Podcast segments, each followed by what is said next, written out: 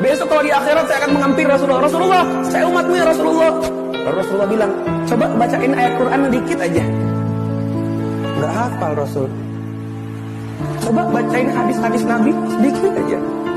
Saya mundur perlahan. Nggak hafal Rasul. Terus kamu umatku dari mananya?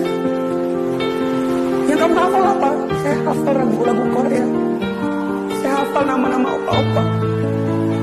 Tahu kisah-kisah perjuangan saya? Enggak. Terus kamu umatku dari mananya? Dan Rasulullah pun pergi.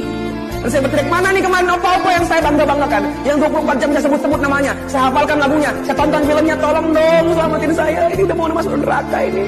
Dan cepat punya orang kita harusnya bisa nolong saya. Saya kecewakan. Saya sakiti hatinya. Dia sudah pergi. Rasulullah SAW.